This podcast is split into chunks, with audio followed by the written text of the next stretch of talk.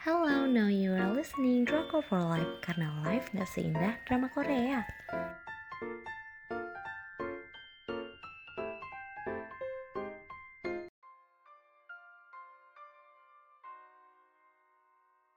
Review drama Korea Let's Eat, sebuah drama yang bikin lapar mulu dengan stasiun penyiaran TVN tanggal penayangan 28 November 2013 sampai dengan 13 Maret 2014. Jumlah episodenya ada 16 episode untuk rating 3 dari 5. Sinopsisnya, Lee Soo Kyung adalah seorang pecinta makanan. Dia rela do anything buat makan enak. Terus dia ngefans sama salah satu blog yang selalu posting piring kosong. Padahal kan kita suka foto makanannya kan. Nah, blog ini selalu jadi patokan gitu dia makan. Dan emang ternyata si yang punya blog ada tetangga sebelah kamarnya. Udah ngefans jauh-jauh eh ternyata tetangga sendiri yang suka disuuzonin dan diberantemin. Taunya dipuja-puja di dunia maya. Padahal ya mereka suka makan bareng juga, nonton dan ngiler-ngiler lah pokoknya yang pengen nonton drama ini intinya sih drama ini menceritakan tentang tiga orang yang bertetangga dan suka makan bareng terus terlibat cinta.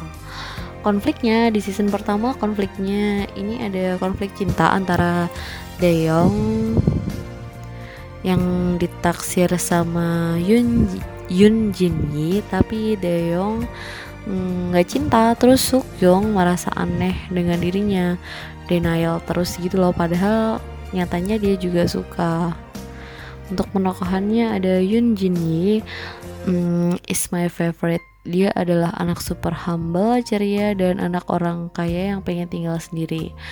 Dia adalah pemersatu Daeyoung dan Sukyung. Dijakin makan terus biar anteng dan gak berantem. Selanjutnya ada Ko Daeyoung Hmm, dia adalah penulis blog makanan, pegawai asuransi. Dia ramah banget ya, tapi ngomong bergaul, uh, biar banyak nasabah juga sih. Dia selalu punya tips cara makan yang asyik. Terus ada Lee Soo Kyung. Dia janda yang curigaan terus niatnya menutup diri bahkan gak mau bergaul sama Daeyoung. Tapi ternyata pikiran kotor eh pikiran buruk dia selama ini salah gitu. Karena di awalnya berpikir takut disuruh ikut asuransi. Padahal si Dayongnya mau temenan aja gitu.